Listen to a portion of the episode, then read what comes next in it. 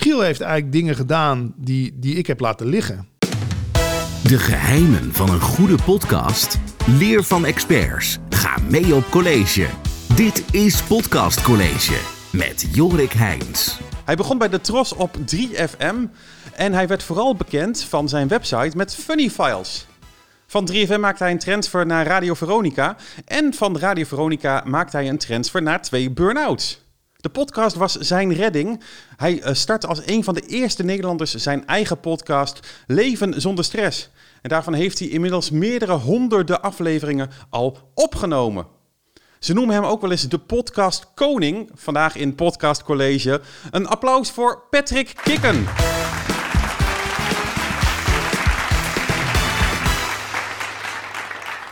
Nou, welkom Patrick. Ja, dankjewel. Ja, of nou welkom. Ik zit bij jou thuis en natuurlijk in uh, Vinkenveen, mag ik dat zeggen? Ja, je hebt het aardig overgenomen hier. Met al je apparatuur, man. Dat is echt de meest professionele setup die ik tot dusver wel hier over de vloer heb gehad. Op cameraploegen van SBS en zo na dan. Ja. Maar pingpongtafel. Ja, ja dat, uh, mijn signatuur, signatuur staat hier toch nog. Je maakt nu veel podcast. Je ja. maakte vroeger radio. Ja. Vind je het maken van podcast leuker dan radio? Eigenlijk wel. Minder bemoeienis. Ik was sowieso al nooit zo'n samenwerker. Ik bedoel, je hebt een tijdje in, in mijn 3FM-tijd met mij samengewerkt. Mm Ik ben natuurlijk echt een loner. Ja, een podcast, daar heb je eigenlijk, ja, behalve een gast, heb je daar voor de rest niet veel mensen bij nodig. Is dat voor jou een van de belangrijkste redenen dat je bent gaan podcasten? Dat je geen baas hebt die zich bemoeit met de inhoud en Ja. met de vorm en alle... Minder druk. Ja. Je hoeft die KUT-muziek niet tussendoor te draaien die iemand anders voor je uitgezocht heeft. Eh, kijk, bij de radio vond ik telefoongesprekjes voeren altijd leukst. Maar die mochten ook maar twee of drie minuten Ja. duren. Behalve als ik René van der Gijp aan de telefoon had, mocht het van de baas eh, acht tot tien minuten Zo. duren. Ja, dat was al heel wat. Maar die podcast, ja, dan ben je zo een uur onderweg. En wat ik het leuk vind aan podcast... Kijk, bij radio is het toch vluchtig. Je, je maakt het, je zendt het uit en het is weg. Ja.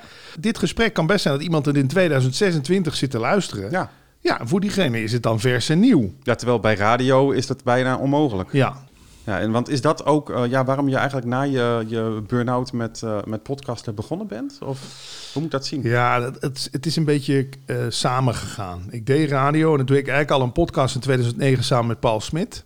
Praat over bewustzijn. En ja, ik deed op de radio, wat ik op de radio niet kon doen, kon ik in podcastland wel doen. Dus inderdaad, eens lekker filosoferen. Of iemand interviewen als Eckhart Tolle. Ja, ik heb daar toen wel kleine snippets van uit kunnen zenden op vrijdagavond bij Veronica. Maar ja, wie is er nou geïnteresseerd in de kracht van het nu? Mhm.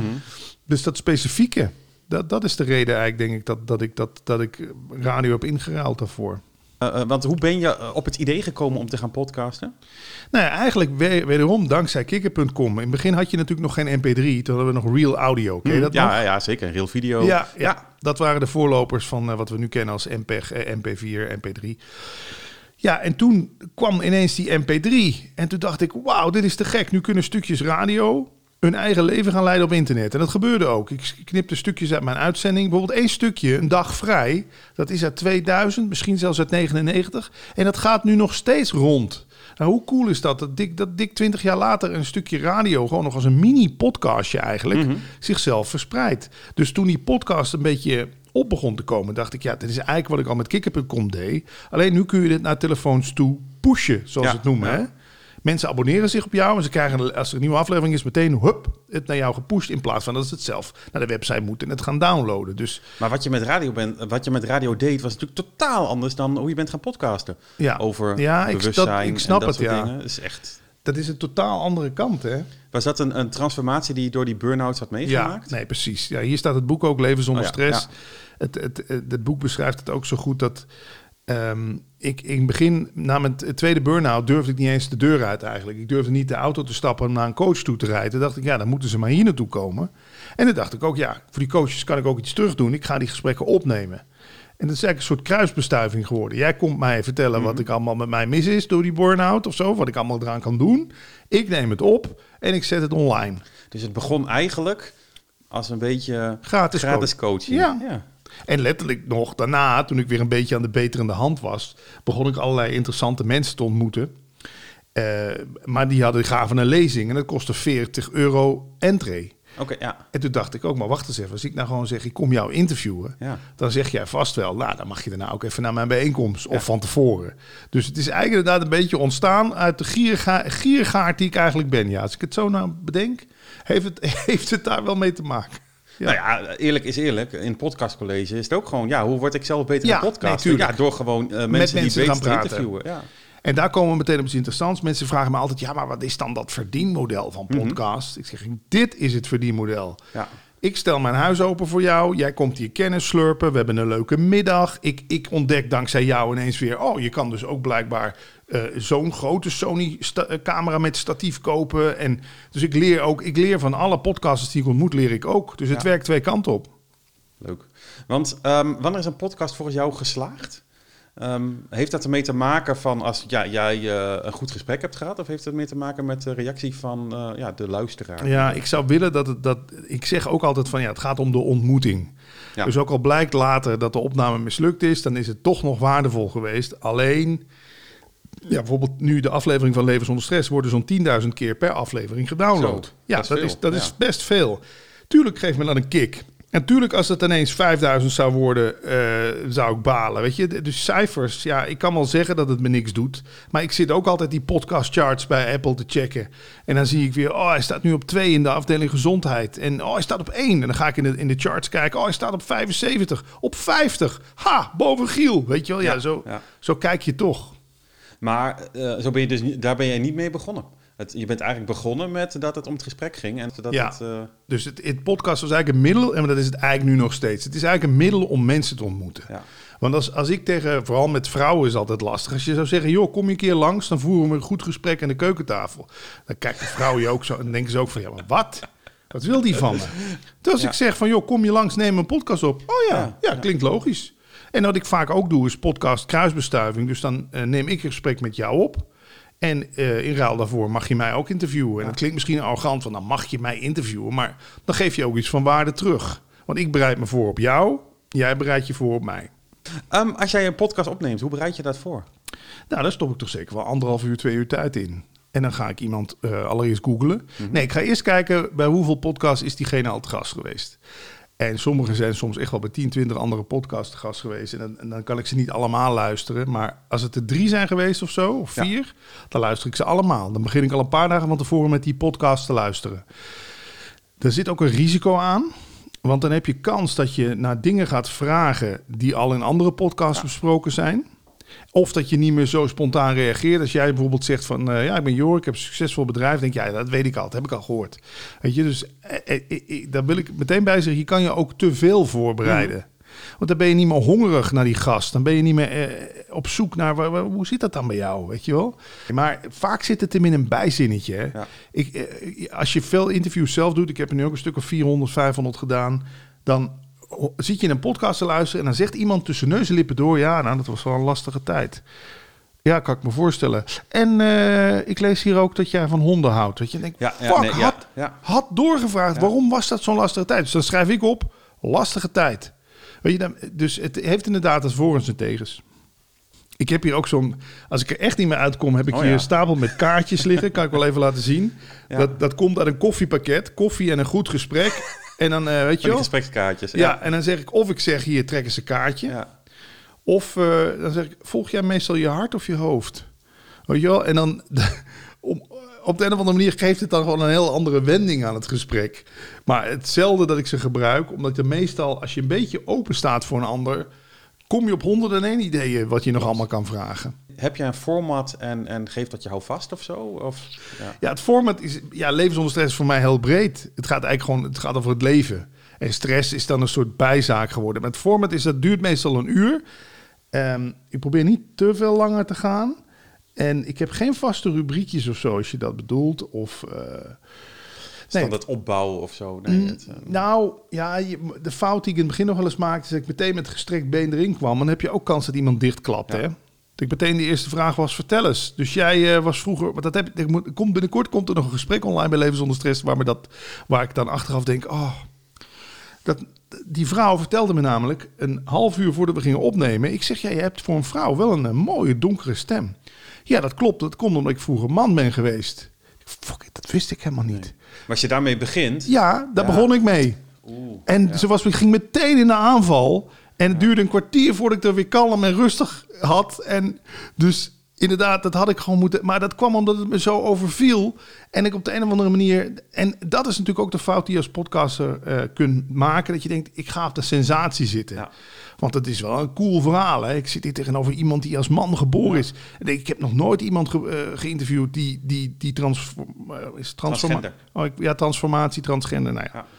Transformer wou ik zeggen, maar dat is niet het Optimus. Prime. Ja, Optimus Je moet toch Prime. naar deze stati- statieven kijken. Zie je nou wel, ze eh, zakken hij- bij jou hij- ook, hè? Ja, die microfoon is gewoon te Maar kijk, dit is, als, het, als er al een format is van mijn eh, podcast, dan kom je wel op een mooie. Ja. Dat is dat ik dit allemaal benoem. Ik heb namelijk van podcastluisteraars teruggehoord dat ze, als het te klinisch wordt, dat vinden ze niet fijn. Laat maar eens een keer een kopje vallen. Hoor maar eens een keer dat Mhm. iemand zit te roeren. Heb het maar eens erover van shit, de microfoon zakt. Of ik knip dat allemaal niet eruit. Maar dat is het aparte, want als ik eh, jou hoor over radio, Ja. dan ben je bij radio zo'n freak die zegt ja, maar een telefoongesprek en dan heb ik Ja. daar het applaus klaarstaan en dan knip ik, Ik dat er het. uit en, en, en en als je dan naar kijkt hoe Ja. jij podcast maakt, Ja. dan zijn de meeste mensen, of nou, ja, Ja. laat ik het zeggen, je hoort wel eens van mensen, ja, die kikken, dat is leuk dat hij podcast maakt, maar die geluidskwaliteit. Ja, ja. En, en, Ik weet het. en dan gaat hij even tijdens een podcast gaat hij even checken of zijn, eh, zijn camera nog accu ja. heeft of zoiets. Dat, Nou, dat is bijna. Bij de radio was ik een soort perfectionist die al iedere dag een 10 wilde scoren. En misschien is dat wel het geluk dat ik het idee heb bij, bij podcasts dat ik dat allemaal mag loslaten. En ik zeg niet dat het goed is, ik zeg niet dat het fout is. Ik zeg alleen, ik hoor van podcastluisteraars terug dat ze het juist. En vooral bij die podcast die ik met Paul Smit doe, daar zitten we gewoon met een microfoon op de bank. En dan valt de microfoon eens een keertje. En of Paul heeft hem maar half bij zijn mond. Ja, het, is, het geeft de mensen het gevoel alsof ze erbij zitten. Weet je, ik ben juist bij podcast ben ik een tegenstander van alles maar klinisch kapot, ieder uitje eruit knippen. Omdat het dan weer te veel op radio gaat maar, lijken. maar moet dat bij radio dan wel? Of, of maakt dat juist een podcast Ja. echt? En is het misschien wel een probleem dat het dat bij radio ook? Ja, nee, ik ben het met je eens. Eigenlijk, ik, ik, ik hoorde wel eens van Vincent Bijlo, die ken je, die cabaretier. Ja. Die is visueel gehandicapt. Die luistert vaak naar de Spaanse radio. Hij zegt, die, want daar hebben ze gewoon het raam openstaan. en dan hoor ik gewoon al die auto's langs rijden. Nee, ik ben met je eens. Ik had misschien, misschien is dit voor mij ook wel een les dat ik bij de radio gewoon ook eens wat vaker... S'nachts durfde ik dat wel. Hè. Je hebt, jij kent me nog van de nacht op ja, ja. 3FM. Durfde ik ook gewoon de teugels te laten vieren. En dan zei ik bijvoorbeeld van... hé, dit, deze stoel maakt een geluidje. En dan hoor je zo... Dat zijn vaak de leukste spontane momenten. Maar bij radio en vooral bij Veronica, waar ik Mhm. twaalf jaar gewerkt heb... hadden wij een spraakclausule. We- weet je wat dat is? Mhm, ja, dat je maar een bepaald aantal eh, minuten per uur mag spraken. Juist. Ja. Dus daar was iedere seconde heilig. En daar is bij mij denk ik wel erin geslopen dat ik ging proberen met de Fox Pro, met zo'n monteerapparaat, Mhm. montageapparaat, alles zo strak en zo kort mogelijk te knippen. Ik legde de platen ook op Veronica en dan legde ik op de K legde ik de plaat. Dat startte lekker door, Ja. weet je wel. Op een gegeven moment wordt dat dan de sport om, om, aan, om, om gewoon toch zoveel Strakke radio maken. Ja. ja.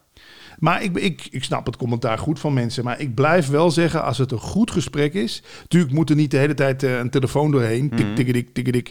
Maar je bent, merk ik, na drie minuten ben jij wel gewend aan... of iets een beetje hol klinkt... of dat, eh, eh, dat, dat, dat er een klein ruisje op zit...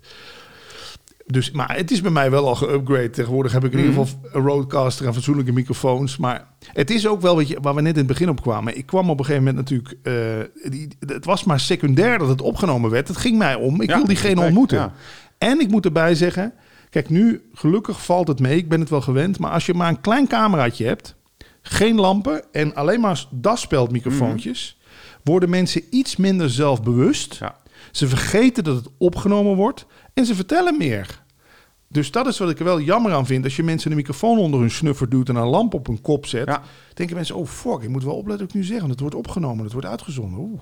Klopt. Nee, ja, want het, de grap is namelijk dat jij bekend staat als de radiomaker die alle boeken leest en, Ja. en daarin zegt het is een vak en eh, je moet het serieus nemen. En, eh, ja, een eh, podcast doe ik gewoon met boerenfluitjes. ja, Maar dan krijg ik wel veel complimenten over mijn interview. Kijk, voor mij is het belangrijkste, ik ben nooit zo'n technicus geweest, Mhm. Dat ik met jou verbind. ja. Dat is denk ik mijn kwaliteit. Ik weet zeker als ik er mensen bij zou betrekken die, die, die de techniek voor een rekening zouden nemen, zou het er allemaal gelikter uit kunnen zien. Het zou er allemaal, zou allemaal beter kunnen klinken. Maar ik, ik vind het nu op een niveau dat het, dat het redelijk is. En dan denk ik, ja, ik kan ook niet alles in mijn eentje. Nee.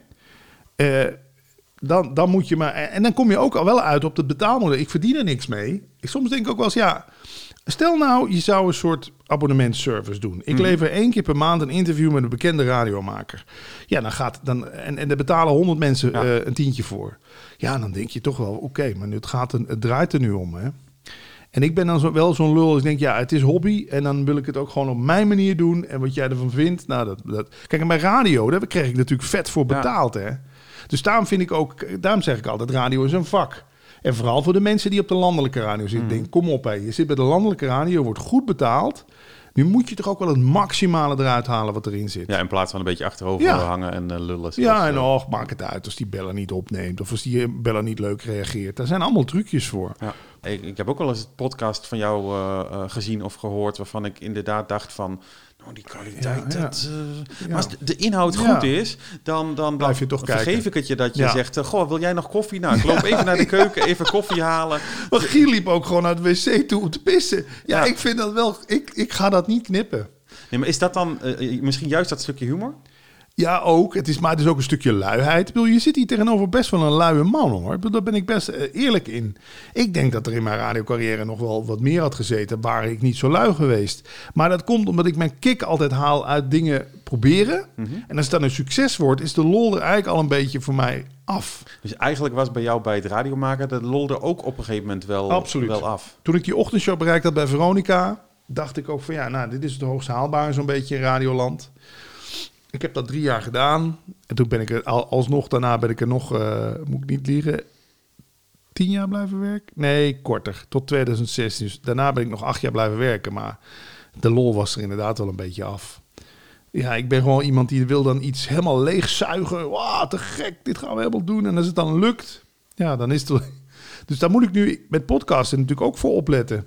Wat stimuleert jou om podcasts te blijven maken? Ja, dat is een goeie. Nou, mijn, mijn hang naar, naar nieuwe mensen. Oké.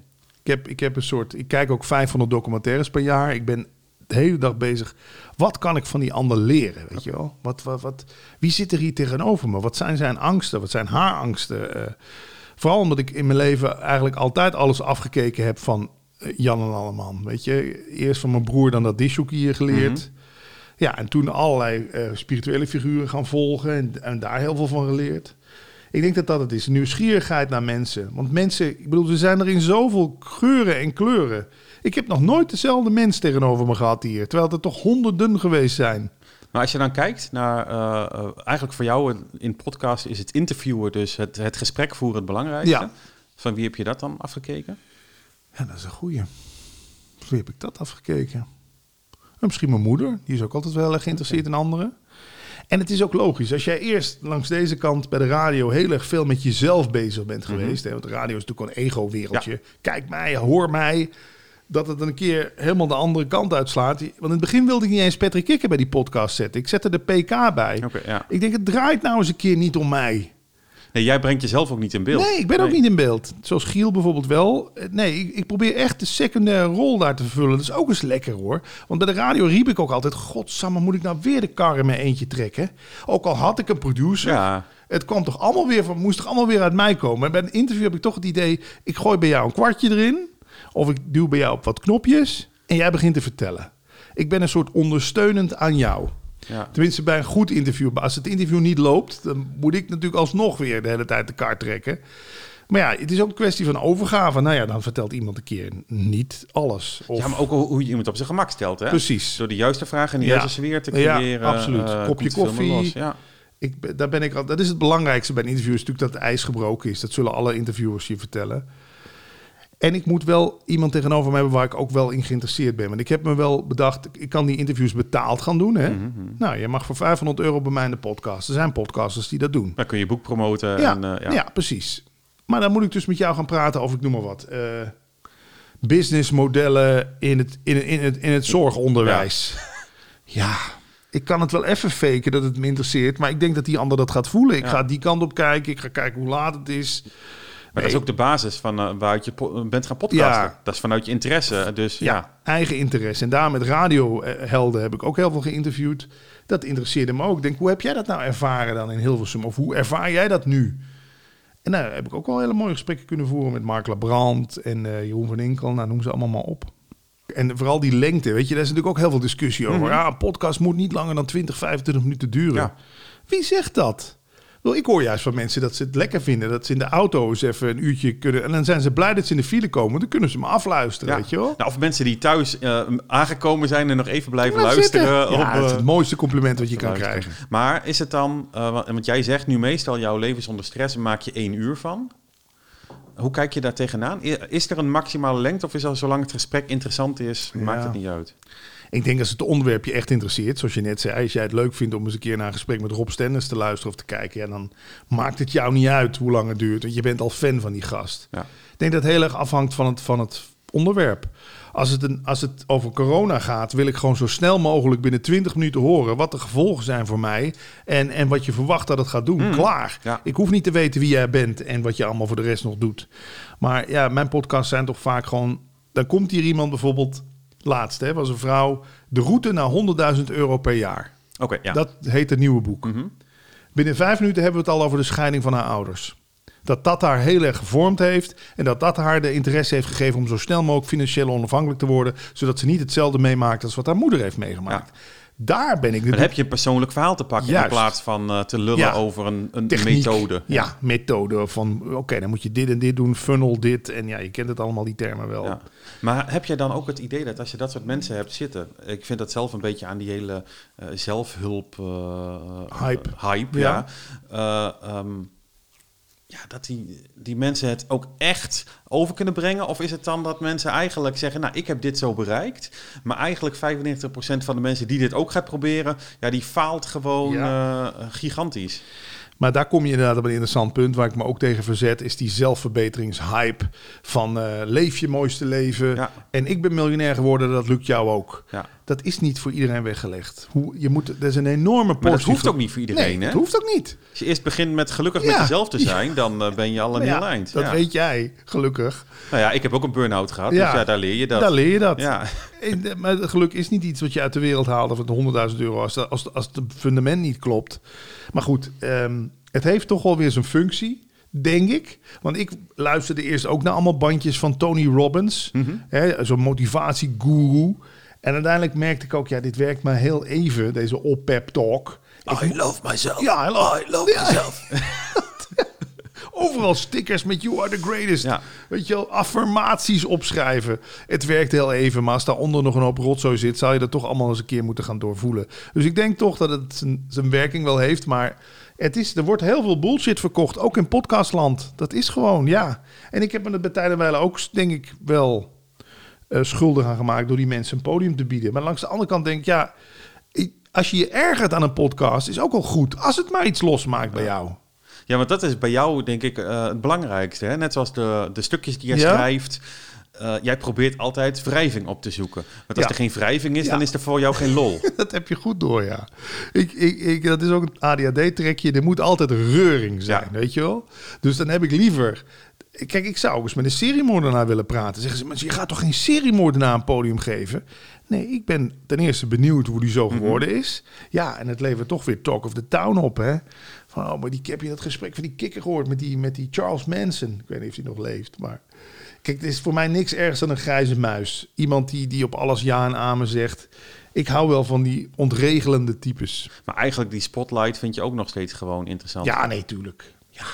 Nee, maar ik bedoel, dat is, eh, als je dat vanaf je 21ste tot je 41ste hebt meegemaakt, Mhm.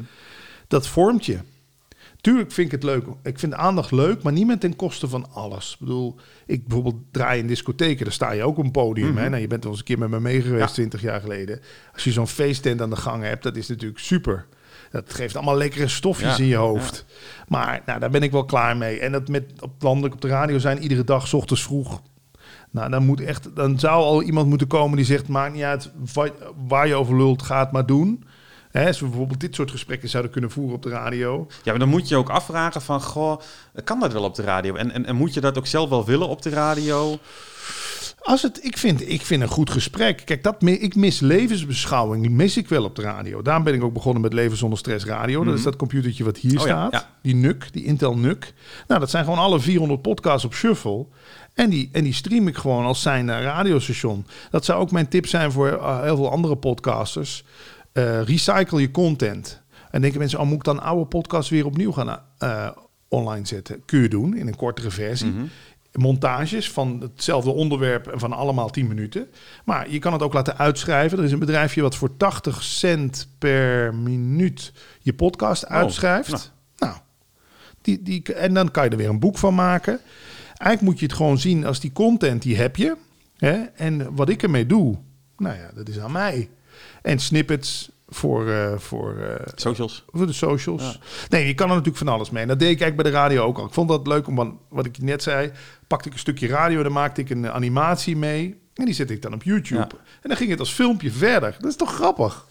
Want eh, heb je daarbij ook het idee, heeft dat jou eh, met, met je huidige podcast nog geholpen? Of was het vooral met de radio? Dat, nee, dat vooral, vooral met de radio. Het sterker nog, het heeft me wel een beetje tegengeholpen. Dat mensen in het begin zeiden van, dat is die lolboek van de radio met die scheidlollige filmpjes. Gaat die het nu over bewustzijn en leven zonder stress hebben? Of ik was bij Veronica natuurlijk best vrouwenvriendelijk. Dat was ook de opdracht. En dan komen hier wel eens mensen binnen. Ja, ik hoorde van mijn man dat ik wel voor jou moest oppassen. Want eh, jij bent nogal vrouw, voor vrouwenvriendelijk, hè? Ik zeg, ja, maar dat was mijn rol op de radio. Ja. Ik kan wel bot uit de hoek. Hetzelfde met die columns voor Spreekbuis nu. Als mensen die columns lezen. Het is wel eens iemand die gewoon zei, ik durfde niet meer te komen. Zeg, hoe fel jij in die columns tekeer gaat. Ik zeg, ja, maar dat is, dat is één kant van mezelf die ik daaruit vergroot. Ja. Ik heb ook een hele lieve kant. Ja, daar ben ik door die podcast ook wel achter gekomen. Er is niet één versie van mij. Nee, want die, die grappige dingen en dergelijke, op Facebook doe je dat nog steeds. Dat vind ik gewoon leuk. Weet je, ik, maar vooral op LinkedIn ben ik ook weer zo- zo'n... Iedereen is op LinkedIn natuurlijk bezig. Oh, het is hier zakelijk. Ja, ik ben twee jaar geleden of zo, of drie jaar geleden... een keer begonnen met grapjes op LinkedIn zetten. In het begin kwam daar heel veel weerstand op.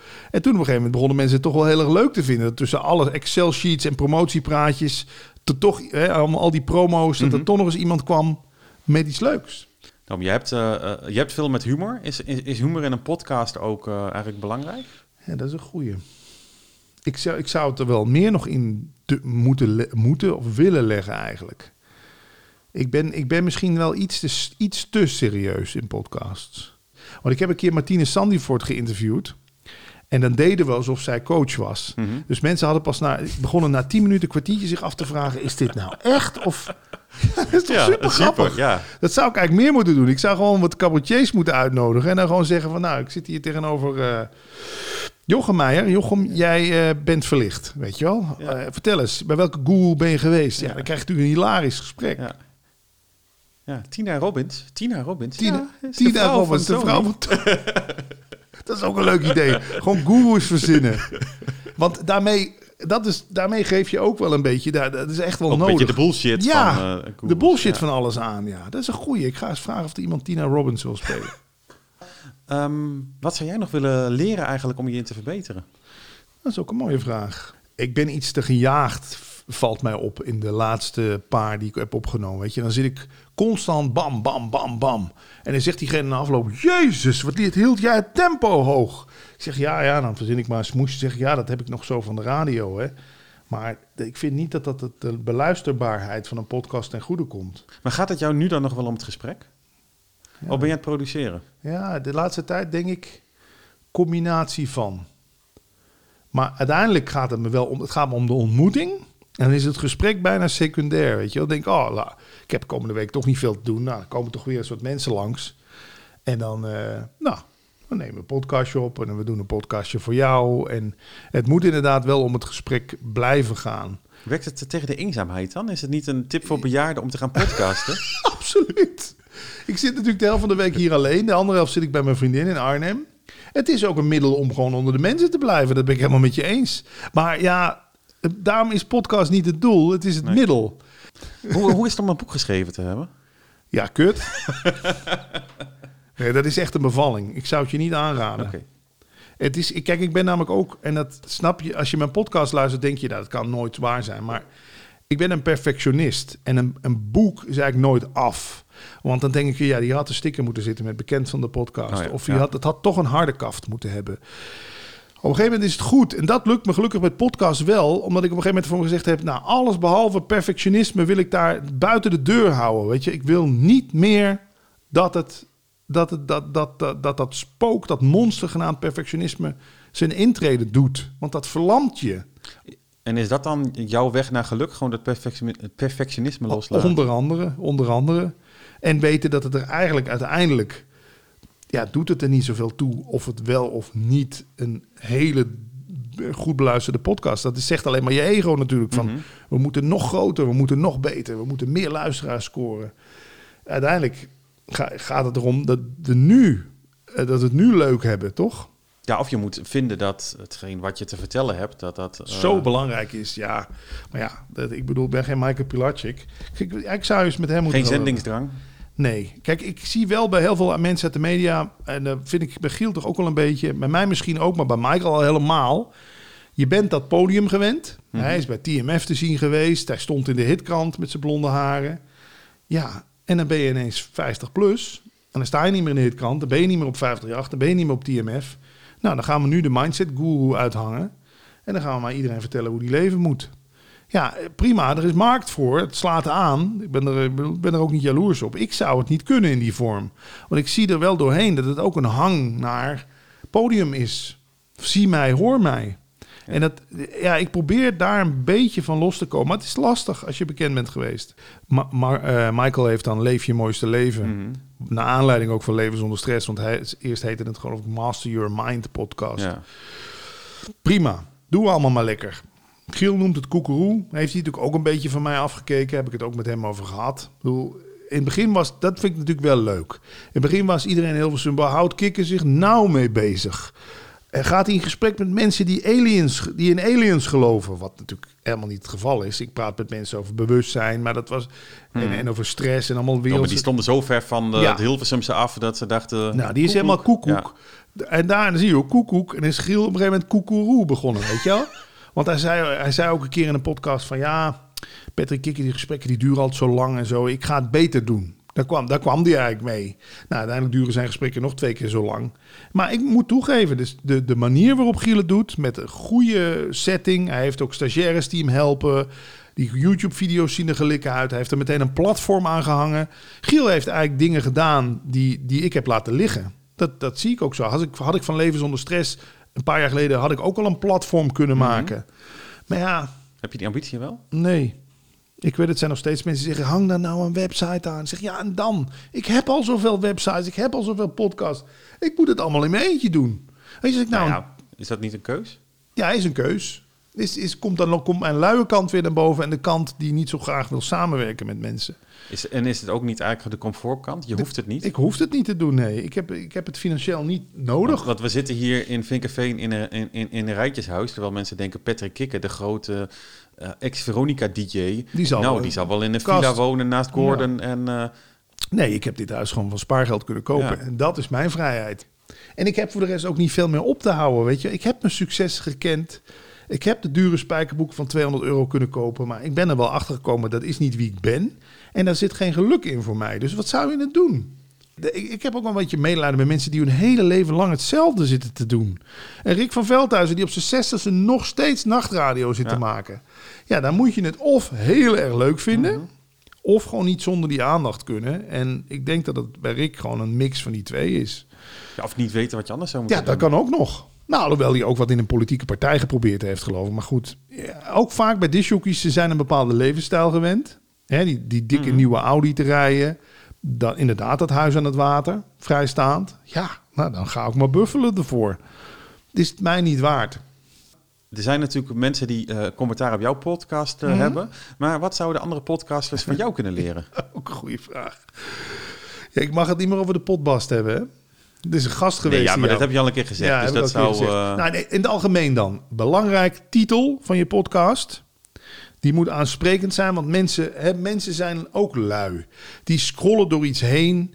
Waarbij YouTube natuurlijk heel belangrijk is dat je, wat ik ook niet doe, Mhm. maar Giel doet dat bijvoorbeeld heel goed. Waarbij je als screenshot moet je meteen de aandacht pakken. Hè, met Ja. een goede tekst, goede kopfoto, goede portretfoto. maar we vroegen wat we van jou konden leren, Patrick. Nee, Nee, ja. nee maar ik, ik vertaal het nu naar de podcast. Ja, ja, ja, ja. En ik vind dat het daar te weinig gebeurt. dat het, dat het met de titels, dan wordt er gezegd episode, seizoen 12, episode 4, mannen. Ja, heet oké, het dan. ja. Zet gewoon in de tekst, wat kunnen mannen nou eigenlijk van vrouwen leren? Ja, Weet je wel, maakt, ja. ja. Want eh, die podcastplatforms worden ook vaak gebruikt als een soort zoekmachine. Mensen gaan zoeken op filosofie, of op stress, of op burn-out. En als jij dan maar gewoon een hele summiere titel hebt, ja, dan, dan kom je niet bovendrijven. Je wil, en, en ik zou zeggen, free publicity scoren, daar was ik bij de radio altijd heel erg goed in. Iemand die dat nu, die dat eigenlijk van mij een beetje geleerd heeft, is Lex Gaartenhuis. Dat geeft hij ook eerlijk toe. Dat heb ik hem ooit een keer eens een boek over gegeven. Zorg nou als je een gast spreekt dat je er minimaal één ding uithaalt. Zeker als het bekend iemand is. één ding uithaalt wat, wat perswaardig is. Mhm. Zo gaat je podcast groeien. Even leuk dat je zegt probeer dat te doen, maar even snel dan in een notendop uitgelegd. Hoe doe je dat dan? Door snippets te knippen. Stel, ik heb hier nu iets interessants gezegd. Je kan het ook naar die radio-websites even mailen. Mhm. Moet je kijken. Eh, Hier heb je de snippet. Journalisten en redacties zijn ook vaak druk met van alles. Schrijf het al voor ze uit. Zet het in de kop van je e-mail en tip het gewoon aan showredacties. Of redacties, bijvoorbeeld in jouw geval zijn er ook podcastblogs. Ja. Er zijn podcast websites. Er zijn podcast professionals. Tip het ze dat ze jouw podcast een keer noemen in hun blog. Ja. Dat gebeurt hoor. Dus die zitten ook op input te Dus wachten. vooral daar connecties te leggen en anderen voorzien van, eh, van content. Ja, van, van content. Ja. En dan doe je het een beetje teasen en een vakterm. En dan zeg je... Want Patrick deed nog een hele pittige uitspraak over Giel Belen... die de podcast niet gehaald heeft. Het is toch ook Maar allemaal... wat wil je zeggen over Giel Belen dan? Nou, ik heb toch al veel over hem gezegd. Dat ik vind dat hij me naaapt. En dat hij, dat hij mijn idee gekopieerd heeft van Leven zonder stress. Maar dat ik er ook bij zeg dat hij het wel next level getild heeft. Ja, dus dat is eigenlijk erop en erover. Ja, zo kun je, zo kun je het noemen. En, en ik weet dat dat door, door mijn eigen luiheid komt dat ik er niet eh, next level mee ben gegaan. Met een eigen platform en met een eigen team om me heen. Wat misschien snippets voor eh, Instagram. Maar, maakt dat Giel tot een betere podcaster dan jij? Eh, nee, want ik vind dat podcasten of iemand goed of slecht is. Ik zeg niet dat Giel slecht is, maar ik vind hem en zijn interviewstijl weer iets te nonchalant. Ik vind hem iets meer van, oké, oké, ja, dus ja, ja, ik zie dat toch anders, ja. Terwijl ik ben wel van, ja, ik pak jou, we pakken elkaar beet Mhm. en we gaan een dans aan met elkaar, weet je wel. We, gaan, we komen in een soort cadans, in een ritme. Ik vind bij Giel soms nog een beetje te vrijblijvend. Dat hij, en ja, waarom moet hij per se zelf in beeld en zo? Ik denk, laat het eens om de gast gaan. Ik merk bij Giel dat hij inderdaad eh, vooral zijn waarheden wil toetsen aan de gast. Ja. En eigenlijk, ja, het is niet mijn stijl. Er zullen mensen zijn die, die, die hem fantastisch vinden en mij k- helemaal waardeloos. Prima. Ik ben toch meer van proberen een soort open vlak te zijn... waarin iemand anders ook jou op een ander, ander idee kan brengen. En of me dat altijd lukt, ik weet het niet. Je bent als mens altijd een beetje bevooroordeeld. Maar het mooiste is als je ergens blanco ingaat. Als ik hier tegenover me die vader van de kinderen van Ruine Wold zou hebben... Mhm. dan zou mijn eerste vraag kunnen zijn... ja, wat ben je, eh, je bent toch gewoon een smeerlap? ja. Ja, dan gooi ik die deur dicht. Als ik gewoon zeg van, maar wat hoopt hij nou te bereiken met hoe je je kinderen hebt opgevoed? Dan geef ik hem ook de gelegenheid om eens een keer zijn kant van het verhaal te doen. Ik, ik, zou- ik, zeg iedere keer als er iemand geweest is, zowel voor in mijn podcast te gast te zijn of als ik bij iemand anders in de podcast was, ga ik toch altijd, gaan we iets anders uit elkaar, heb ik het idee. Het heeft mij iets veranderd. Het heeft mij dingen. Het is eigenlijk net als een coachinggesprek. Hoe heeft deze podcast jou eh, veranderd? Ja, hoe, dat, dat, dat kan, ik weet niet of ik daar nu al een duidend antwoord op kan geven. Ik vond het wel verrassend om van jou te horen dat mensen er dus blijkbaar over praten. Eh, eh, wat de kwaliteit van wat ik ook niet raar vind, want ik geef zelf ook veel commentaar op anderen. Ja, hoe heeft het me nog meer veranderd? Ga je wat veranderen aan je podcast aan de hand van dit gesprek? Nee, dat denk ik niet.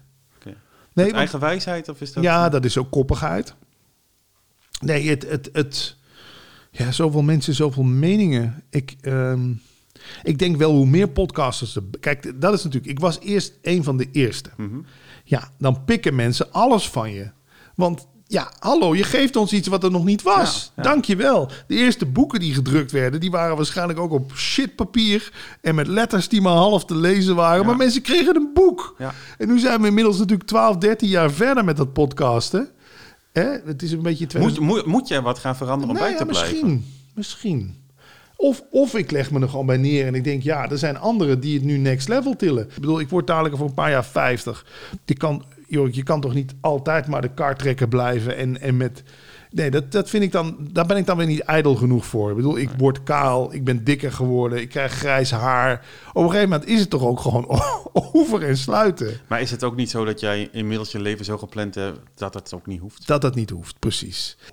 Bij de radio is het gewoon net als met een voetbalcarrière. Je, je, je bent een, een fitte jonge spits die tot zijn 5, 36ste misschien op zijn meest creatief is. En daarna begint het af te takelen. En er is niks ergers dan oude disjockeys die nog overal op de radio zitten. En die dan maar denken, oh dan ga ik maar gauw een podcast beginnen, want dan blijf ik relevant. Nee, laat dat toch aan de jongere generatie over. Kijk, en ik, ik, ik schaar mezelf dan nog een beetje als een tussen. De tussen. Weet je, Ja, dat was het mooie dat ik het zeg, dat ik dacht van, heeft hij het nu over zichzelf? Nee, want ik ben, ik ben geen 60, ik ben ook Nee, geen oké. 25, 30 meer. Ik zit er nog een beetje tussenin. Maar ik Ja. vind als je boven de 60 bent... Nee. Kijk, Erik de Zwart moet nu ook geen podcast meer beginnen. Die zit prima bij Radio 5. Eh, heel erg bedankt eh, voor dit gesprek. En eh, nou ja, eh, we gaan zien eh, wie het volgende college gaat geven om te leren podcasten. Wacht. Je college gaat verder op podcastcollege.nl. Daar staat wat voor je klaar, dus check het op podcastcollege.nl. En vergeet je niet te abonneren op onze podcast en ons YouTube kanaal. Dan zien we je de volgende keer weer op Podcast College. Dit was een podcast van XD Business.